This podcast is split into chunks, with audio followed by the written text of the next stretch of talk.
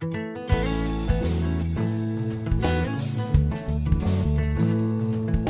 anak-anak, berjumpa lagi dengan Ibu Isti Indartanti. Cerita kita berjudul Curahan Berkat.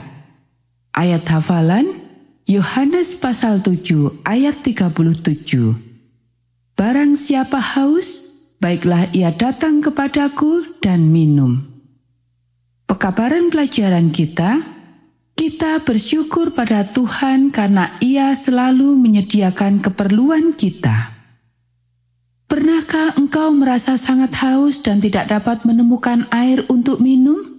Itulah yang dirasakan orang-orang Israel ketika mereka sampai di tempat perkemahan mereka yang baru dan tidak menemukan air sama sekali. Itu terjadi seperti demikian. Orang-orang Israel sudah mulai terbiasa membangun tenda. Mereka sekarang dapat membangun dan merubuhkan tenda-tenda dengan cepat. Kehidupan di padang gurun sangat berbeda dengan kehidupan di Mesir. Di Mesir mereka bekerja sebagai budak membangun istana-istana dan kuil-kuil. Sekarang mereka berpindah dari satu tempat ke tempat yang lain mengikuti tuntunan Tuhan.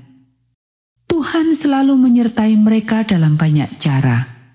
Dia melindungi mereka ketika tulah-tulah datang menyerang Mesir. Ketika Firaun mengusir mereka, Allah membuka jalan melalui laut. Beberapa minggu sebelumnya Allah mengirimkan mana makanan bagi mereka. Mereka dapat melihat kehadiran Allah dalam tiang awan yang besar di siang hari dan tiang api di malam hari. Padang gurun bukanlah tempat yang menyenangkan. Pada siang hari tempat itu sangat panas sehingga engkau dapat memasak di atas batu yang sangat panas.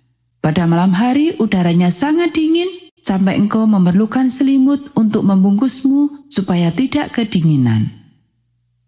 Mereka telah sampai di Refidim, perkemahan mereka yang baru. Semua orang merasa lelah, haus, dan kotor setelah berjalan sangat jauh. Hewan-hewan ternak juga menangis kehausan. Domba dan kambing bersaut-sautan mengembik, sementara keledai menghentak-hentakkan kaki mereka. Hanya unta yang kelihatan tidak peduli walaupun tidak ada air. Semua orang mencari sekeliling tetapi di mana-mana tidak ada air. Mereka mulai bertanya satu sama lain apakah ada yang mendapatkan air, tetapi jawabannya selalu sama, tidak. Segera orang-orang itu mencari Musa. Ketika mereka menemukan dia, mereka mulai bersungut-sungut. Berikan kami minum, Seluruh keluarga kami kehausan, bahkan ternak kami pun kehausan. Kami harus mempunyai air atau kami akan mati. Musa kelihatan sedih. Dia tahu bahwa Allah akan menyediakan semua kebutuhan mereka. Mereka telah melihat Allah melakukan banyak hal buat mereka. Seharusnya mereka mengerti bahwa Allah yang membawa mereka ke sini berarti Allah akan menyediakan air. Musa menjawab, Mengapa engkau marah kepadaku? Mengapa engkau mencobai Allahmu? Mereka tidak mau mendengar, mereka terus bersungut-sungut. Mengapa engkau membawa kami keluar dari Mesir? Kami akan segera mati. Musa tidak tahu apa yang harus dilakukan. Dia berdoa kepada Tuhan. Apakah yang harus kulakukan pada orang-orang ini? Mereka siap melimpari aku dengan batu. Allah menjawab, "Berjalanlah sedikit lagi dan bawalah beberapa pemimpin mereka. Bawa juga tongkat yang engkau pakai untuk mengubah air sungai Nil menjadi darah. Pukulkanlah tongkat itu ke batu, dan air akan memancar dari batu itu." Lalu Musa memanggil para pemimpin Israel. Dia menemukan sebuah batu dan memukulnya sama seperti yang diperintahkan Tuhan. Air segera memancar keluar. Ada cukup air bagi setiap orang.